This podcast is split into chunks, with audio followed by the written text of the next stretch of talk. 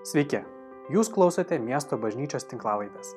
Pamokslas, kurį netrukus išgirsite, buvo įrašytas sekmadienio pamaldų metu. Meldžiame Dievo, kad Jis kalbėtų jums per šį pamokslą. Sveiki, šiandien tęsime pamokslų ciklą Lizdas, per kurį kalbame apie santykių atstatymą.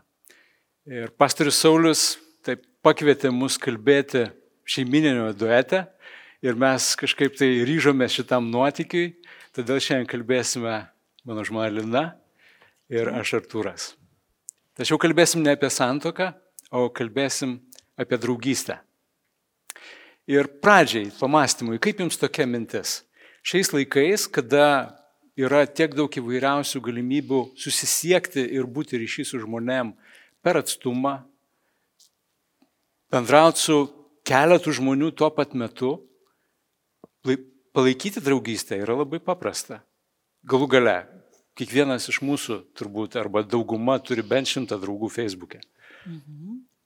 Priklauso nuo to, ką iš tikrųjų vadiname draugystę. Tai turbūt pirmas klausimas, kurį norėtume šiandien jums užduoti. Kiek esate patenkinti savo draugyščių kokybę? Leisime jums patiems tai nuspręsti.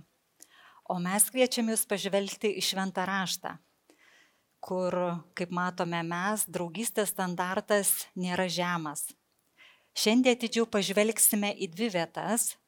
Tai yra Davido ir Johonotano draugystė bei Naomės ir Rūtos. Hmm. Aš paskaitysiu iš pirmos Samelio knygos 18 skyriaus, nuo pirmos eilutės. Dovydui kalbant su Sauliumi, Jehonatano siela prisirišo prie Dovido sielos ir Jehonatanas pamilo jį kaip savo sielą. Ir Dovydas jį pamilo visą širdimi. Ir trečia eilutė toliau. Jehonatanas padarė sandorą su Dovydu, nes mylėjo jį kaip savo sielą. Jehonatanas atidavė Dovydui savo apseustą, drabužius, net ir kardą, lanką bei diržą. Štai trumpą kontekstą papasakosiu šitos vietos.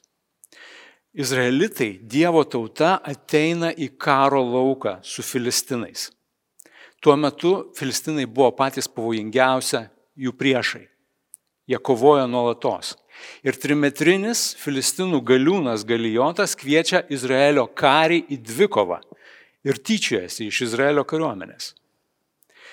Ir mes anksčiau skaitydami raštą matėm, kad apie pirmąjį Izraelio karalių Saulių buvo pasakyta, kad jis buvo visa galva aukštesnis už visus kitus izraelitus. Todėl buvo tarsi natūralu tikėtis, kad Saulius, Dievo pateptas karalius, arba Jehonatanas, jo sunus, stos į kovą su Galijotu. Tačiau nei vienas, nei kitas to padaryti neišdrįsta. Ir tada ateina Dovydas, jaunuolis ką tik nuo avių bandos ir jis stoja į kovą su galijotu ir jį nugali. Ir štai Dovydas pasakoja, kaip viskas įvyko. Sauliui ir jo aplinkai. Ir mes galim pastebėti tuose keliuose trumpose eilutėse keletą svarbių dalykų. Johonatano siela prisirišo prie Dovido jam kalbant. Rašte nėra ten tiksliai paaiškinta nei ką Dovydas kalbėjo, nei kaip jis tai sakė, bet mes galim nuspėti, kadangi mes turime tą didesnį Dovydo paveikslą, kurį matome iš psalmių, iš Samuelio knygų ir mes galim nuspėti, kad jis kalbėjo paprastai, konkrečiai, aiškiai, drąsiai atiduodamas visą šlovę Dievui. Ir Johonatanas, stebėdamas Dovydą, jis atpažįsta, per tai, kaip Dovydas kalba, jis atpažįsta artimą sielą. Vieną dalyką turim aiškiai suprasti, kad Jehonatanas nebuvo kažkoks tai nevyriškas vyras, kažkoks labai jausmų tampamas ar sentimentalus. Ne, jis buvo iš tikrųjų karžygys. Tik tai keliais skyriais anksčiau, 14 skyriuje, mes matom, randam tokią istoriją, kaip Jehonatanas su savo ginklanešiu, jis iš esmės pradeda tokią specialiųjų pajėgų operaciją, įžengdamas į Filistinų stovyklą ir Dievas su, su pasitikėjimu Dievu, su drąsa. Ir Dievas panaudoja tai, kad atneštų tą didelę tokią pergalę Izraeliui. Ir, ir e, Dovydė, jisai atpažįsta žmogų, su kuriuo turi daug ką bendro. Jis atpažįsta drąsą, jis atpažįsta tą pasitikėjimą Dievu, jis atpažįsta, kad artima, artima siela. Antras dalykas, kuris yra svarbus. Jehonatanas netiesiog laukia, kaip čia įvyks ir kaip ta draugystė su Dovydu toliau plėtosis. Jisai imasi iniciatyvos ir žengia žingsnį link žmogaus, su kuriuo jaučia tą artumą ir su kuriuo nori draugauti. Trečias dalykas svarbus. Ir mes matom tai per veiksmus labai gražiai, tuose keliose eilutėse rašto sukoncentruota labai daug, bet jis atiduoda jam savo karališką rūbą. Ir tai buvo stipriai simbolinis veiksmas tada, tuo metu, kada Jehonatanas, Izraelio princas, jisai perduodamas savo karališką rūbą, tarsi stato Dovydą, kuris atrodo ką tik nuo avių bandos, į tą patį lygmenį su savimi. Ir tai yra tiek pat svarbu tam, kad draugystės vystytųsi dabar. Tam, kad auktų draugystė, mums reikalinga kažkaip tai palikti tą savo statusą, atidėti į šoną, tos kažkokius tai pasiekimus, tam, kad galėtų tas santykis su žmogum, su kuriuo matom, kad gal, galėtų užsimėgsti tą augantį draugystę, jis galėtų, jis galėtų statydintis. Ketvirtas dalykas, ir tai turbūt yra vienas iš pačių svarbiausių dalykų. Johonatanas atiduoda, šitam vertime yra sakoma, jis atiduoda jam savo drabužius ir ginklus. Kiti vertimai sako, kad Johonatanas nusijima šarvus ir atiduoda Dovydui ir savo ginklus. Ir tai yra irgi labai stiprus įvaizdis, labai stiprus ženklas žmogaus, kuris atsisako kažkokio tai tokio konkurencijos santykio su šito žmogum. Ir mes galim tik tai spėlioti iš tikrųjų. Ar jau Saulių ir jo aplinka buvo pasiekusi ta žinia apie tai, kad Dovydas yra pateptasis, sekantis Izraelio karalius ir ne? Galbūt ir ne. Bet konkurencijos momentas, jisai tarp vyrų, jeigu mes taip sąžiningai pasižiūrėtume, jis gan dažnai pasitaiko. Mes tarsi pasilyginam vienas su kitu truputėlį, patikrinam, kas ten kuris, kurioje vietoje stovi ir, ir, ir ant kokio laiptelio turėtų atsidurti. Bet Jehonatanas, jisai renkasi atsisakyti to konkurencinio požiūrio, jis nusima šarvus, padeda į šoną ir atiduoda Dovydui savo ginklus ir ateina į tą santyki atviras, nuoširdus ir pažeidžiamas. Mhm. Ir e, psichologijoje yra manoma, kad jau būdami vaikais, norėdami apsisaugoti, pradedame apsiauginti tokias kaip apsaugas, tam, kad nejaustume pažeidžiamumo, kad nebūtume sužeisti, kad neišgyventumėm per didelio nerimo ar skausmo. Ir čia panašu toje istorijoje e, Johanatanas atiduoda to šarvus ir leidžiasi būti pažydžiamas, kuri ir yra kaip sąlyga, jeigu norime užmėgsti giluminį ryšį vienas su kitu ir eiti gilesnę draugystę. Hmm? Aha. Ir aš galvoju, mes turbūt kiekvienas atsidurėm labai anksti savo gyvenime, tokioje situacijoje, kur mūsų ten tie a, aps, apsaugos ir ginklai, kurios, su kuriais mes kovojam, kaip mes kažkaip suvokiam save, pradeda augdytis. Man labai anksti, galima sakyti, tai prasidėjo vien tik tai dėl to, kad aš turėjau nuo pat jau jauno amžiaus tokį ansvorį. Ir, nu, žinot, vaikai yra tokie žmonės, kurie labai greitai atpažįsta, kur ten, kaip galima kam nors suteikti diskomforto ir, ir tiesiog kažkaip tai tikrai per tą visą procesą eidamas, patirdamas ir, ir patyčių, ir kažkiek tai atmetimo, užsiauginau tas kažkokias tai apsaugas, kurios daugiausia buvo susijusios su to, kad aš stengiausi laikyti žmonės per atstumą. Mhm. Po to, kai įstojau į universitetą, dalykai pradėjo keistis, nes ten kitokia kompanija buvo. Ir tada tie ginklai kažkokie, tai tie būdai, kaip įeiti į tą bendravimą, pasidarė truputėlį kitokie, bet jie buvo irgi tokie netinkami, nes tai būdavo vakarėliai, išgerimas, baliukai ir tokie panašus visokie reikalai. Ir iš tikrųjų tam, kad mes galėtumėm ateiti į tą ryšį, kuriame mes galim pastatyti tą didesnę draugystę su žmogum, mes turim pradėti suvokti tas apsaugas, mes turim pradėti atpažinti iš Dievo malonės tas gynybas, kurias mes naudojam ir kurias kuriuom mes kažkaip iš vienos pusės bandom tarsi įsipaišyti į tą aplinką savo. Iš kitos pusės mes tengiamės laikyti žmonės per rankos atstumą. Ir man tai užtruko ilgai ir aš vis dar toliau mokinuosi to. Mhm. Bet met šitoj bibliniai istorijoje, atrodo, keliose eilutėse aš randu padrasinimą, kad iš tikrųjų tą santyki statydinti galim, į jį galim ateiti, galim nusijimti tą savo apsaugą, tuos šarvus, tapti pažeidžiamu ir iš tikrųjų net kai esame pažeidžiami, per tai galim taip pat stiprėti ir aukti mhm. iš Dievo malonės. Mhm.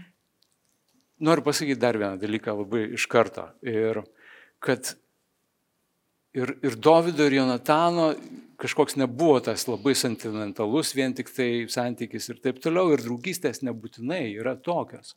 Nebūtinai tai yra vien tik tai kažkoks tai komfortas ir kažkokie tai šilti, pukuoti jausmai, kai susitinki su draugu.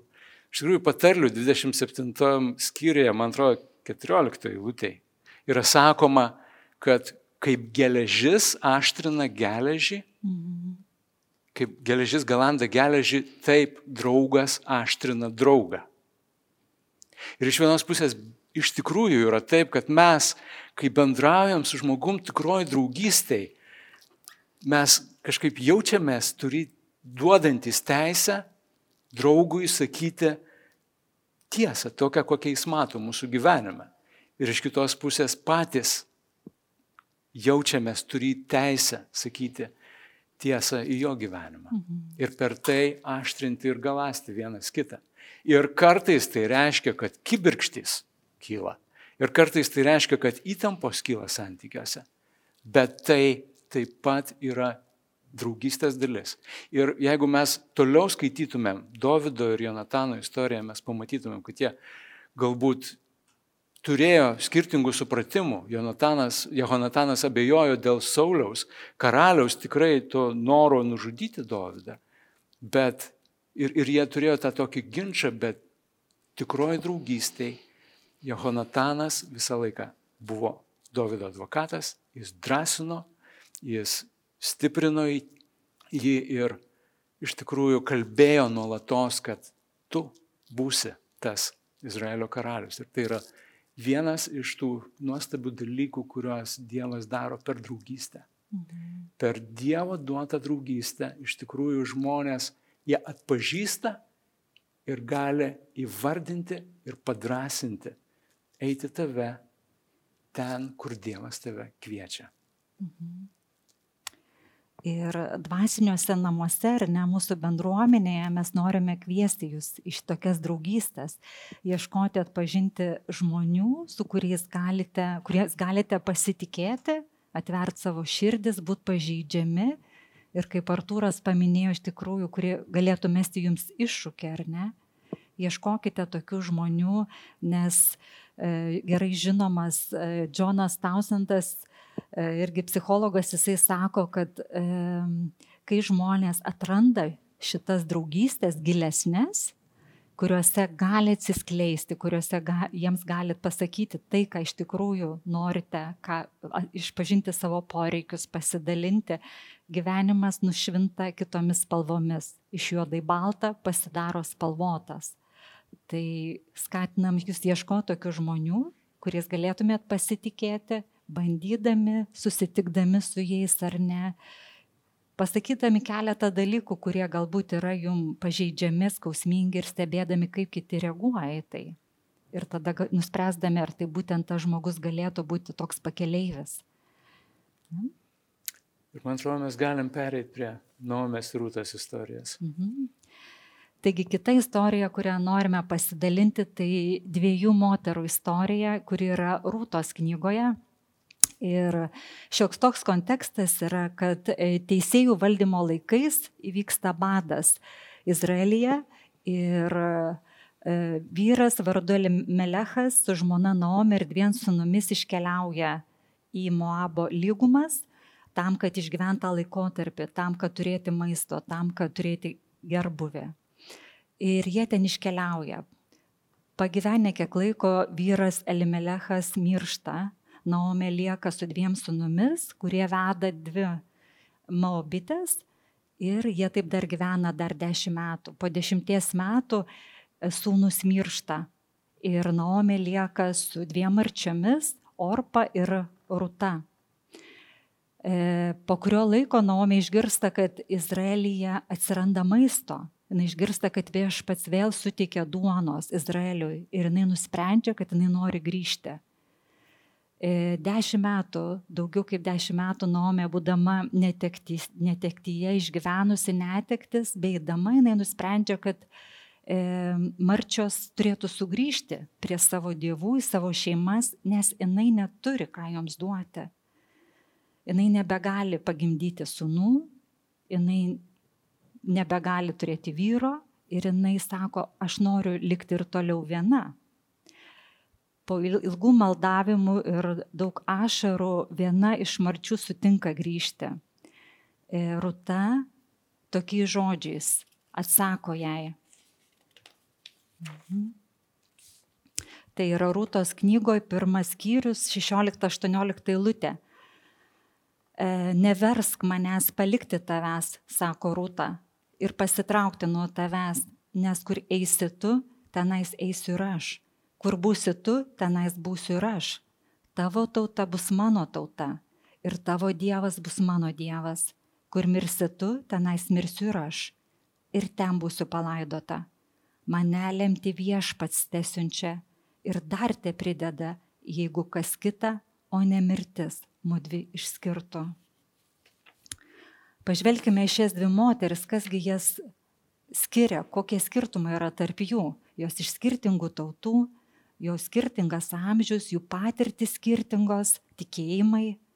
Viena ieškojo geresnio finansinio gyvenimo, kita panašu ieško geresnio emocinio, dvasinio gyvenimo. Keletas panašumų tarp jų. Abi moteris išgyveno netektis. Abi tapo našlės E, jos, joms abiems, ypatingai Naomiai, e, neturėti vyro, nebeturėti sunų, reiškia netekti pragyvenimo šaltinio. Tokioj situacijoje Rūta pasirenka, nes jinai mato kažką giliau. Jinai supranta, kad Naomiai nieko negali pasiūlyti, bet jinai pasilieka su ją ir nori keliauti jo šalį. Pažvelkime kokia buvo Naomė. Naomės patirtis buvo tikrai labai skaudi netekti vyro ir dviejų sūnų. Jis išgyveno tris netektis. Jis apkartusi, kaip sako raštas, jaučia didelį kartelį. Ir kai jos surūta sugrįžta į judo šalį, moteris tenai sutinka ją ir sako, žiūrėkite, Naomė grįžo, ar tai ji?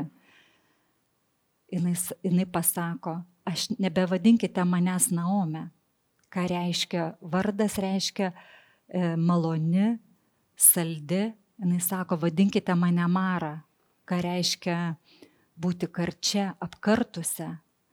Naomė keičia savo tapatybę, jis sako, aš nebesu tuo, ką tėvai davė, kokį man vardą, tuo, ką mane Dievas sukūrė, aš esu dabar Mara. Tai rodo, kad jinai visiškai apkartusi gyvenimas jos visiškai nenusisekęs, jinai žiūri tik į juodą pusę, nebemato geros pozityvios ateities, jinai pilna nuoskaudų tikriausiai, nusivylusi, pikta ant Dievo ką jinai sako, visagalis karčiai pasielgė su manimi, viešpatės ranka pakilo prieš mane. Ką reiškia rūtai būti šalia moters, kuri yra tokia apkartusi? Pagalvokite apie save, ką reiškia būti šalia žmonių, kurie nusivylė gyvenimu. Kartais dabar toksai pasitaikantis posakis toksiški žmonės, venkite tokių. Tačiau Rūta pasilieka šalia tokio žmogaus, kurio gyvenimas atrodo besibaigiantis. Tačiau Rūta, ką jinai mato, jinai mato daugiau negu mato aplinkiniai. Ir kartais mes irgi išgyvenam atjautą žmonėms, kurie kartais atrodo kaip ir neturim dėl ko jiems jausti tai. Tiesiog išgyvenam šilumą, Dievo meilę tokiam žmogui. Išgyvenam atjautą ir mes norim keliauti su jais. Panašu į rūtą išgyveno tą, aš būsiu su tavim, kol mirtis mus išskirs. Aš nepaliksiu tavęs, nes tu man patapai, patapai brangesnė negu jos pačios gyvenimas. E, Henry Nauvenas, garsus e, teologas, jisai sako, tie, kurie pasiūlo mums paguodą savo buvimu, dvasinės tamsos metu, su šiais žmonėmis suaugame taip stipriai, tarsi turėtume su jais biologinius ryšius. Jie pasidaro mums brangesni, tai yra mūsų dvasiniai namiškiai. Ir kas jam nutiktų, atrodo, kad nutiktų mums patiems. Taigi Rūta pasirenka laisvai sekti su Naome į jo šalį. Jai tai yra irgi yra pažeidžiama, kadangi jinai nežino šito šalies, jinai nepažįsta, tai yra neištirinėtos teritorijos. Tačiau ją veda daug gilesnis suvokimas, kad jinai nori būti tiesiog su šitu žmogum ir jinai negali jos palikti. Kai aš galvoju apie Naomės rūtos istoriją, Naomė vis dėlto, nors su šeima atsidūrė Moabo krašte, paliko Izraelį, bet jis sugebėjo išlaikyti tikėjimą. Mhm. Ir šita dvasinė prasme Naome buvo lyderė. Ji supažindino marčias su tikėjimu, su Izraelio Dievu. Ir tai matom iš rūto žodžių, kad tavo Dievas bus mano Dievas. Mhm jie išlaikė tą artumą ir santyki ir, ir kartais mes irgi net galim nesuprasti, kas, kas vyksta, kodėl taip yra, kad nu, va, žmonės, kurie atrodo taip pagal savo galimybės ištikimai eina su Dievu, bet jie pakliūna į sunkias situacijas, mhm. jie pakliūna į dubes, jie pakliūna į išbandymus ir jiem apkarsta gyvenimas, kaip Lina ir sakė. Ir šitoj situacijai, ką aš daryčiau mhm. tokioj vietoj.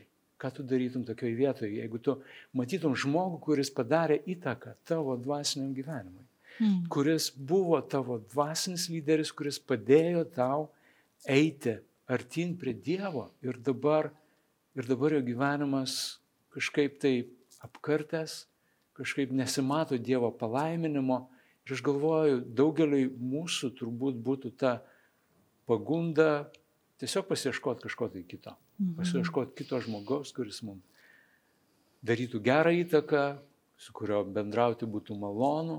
Taip. Ir, ir taip toliau. Bet Rūta, ji pasilieka su Naome. Nes ji žino ir mato, koks žmogus Naome yra ir ji pasilieka, pasirenka eiti su ją netgi tuo sunkiu dobės metu. Taip kaip Rūta pasilieka su Naome, pasirenka būti su ją, mes matom tą patį, kaip Jėzus atėjo iš tą žemę. Jisai pasirinko būti su mumis. Yra sakoma, mato Evangelijoje pirmam skyriui 22 lūtei, Emanuelis, jo vardas. Dievas su mumis. Jėzus prisėmė žmogišką kūną ir tapo vienu iš mūsų.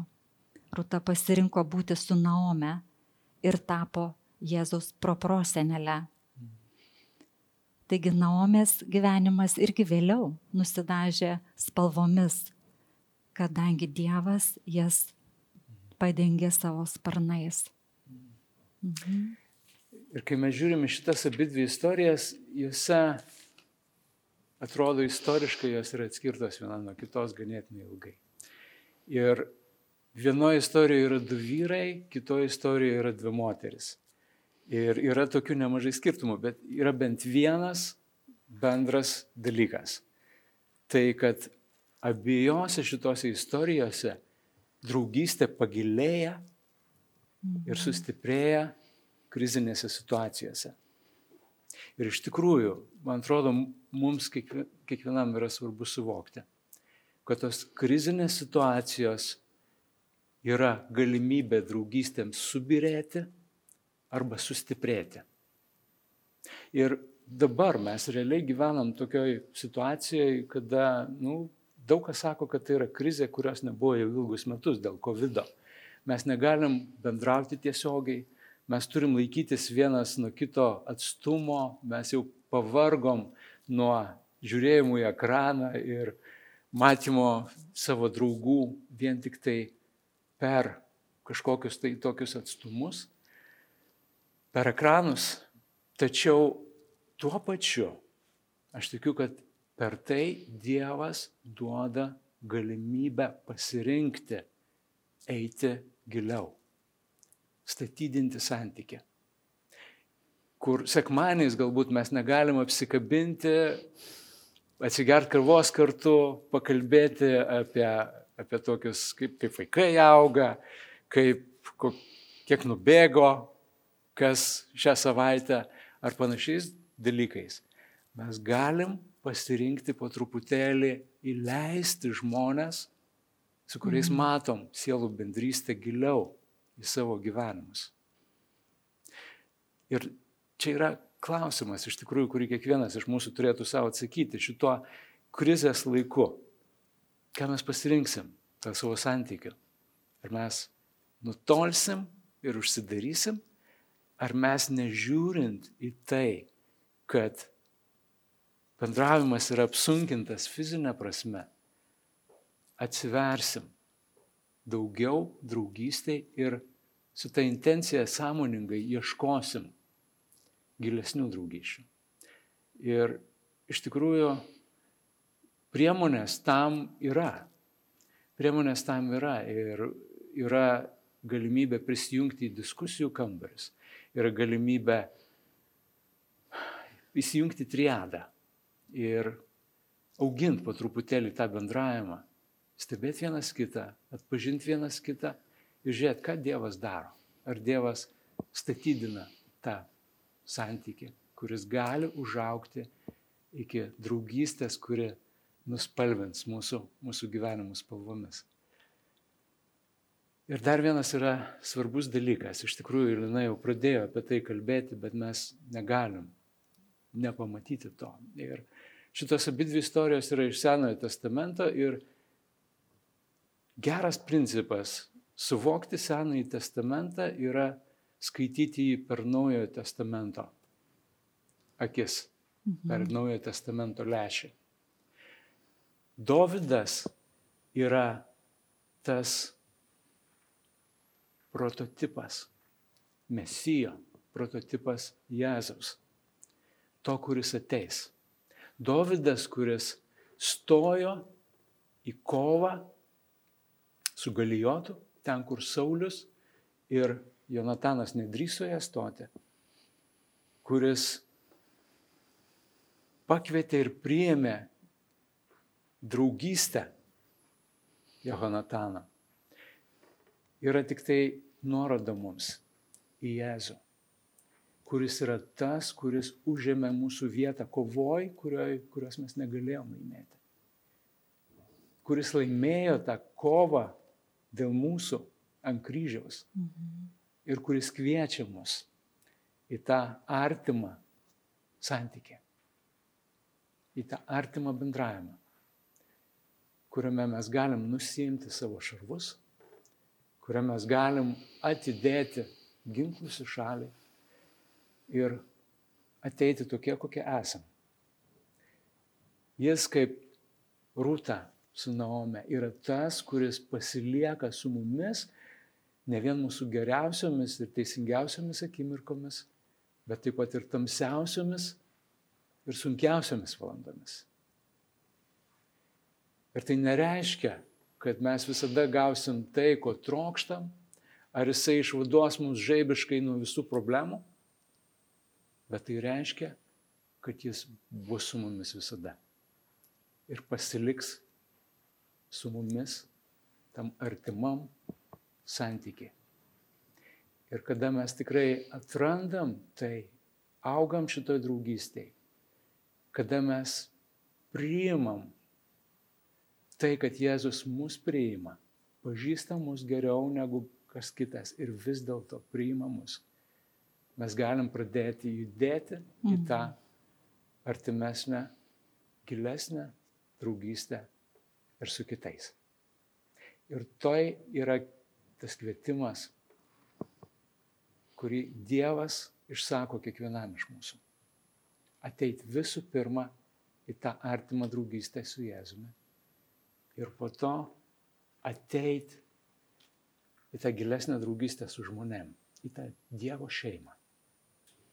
Mm. Mhm. Pasimelskim.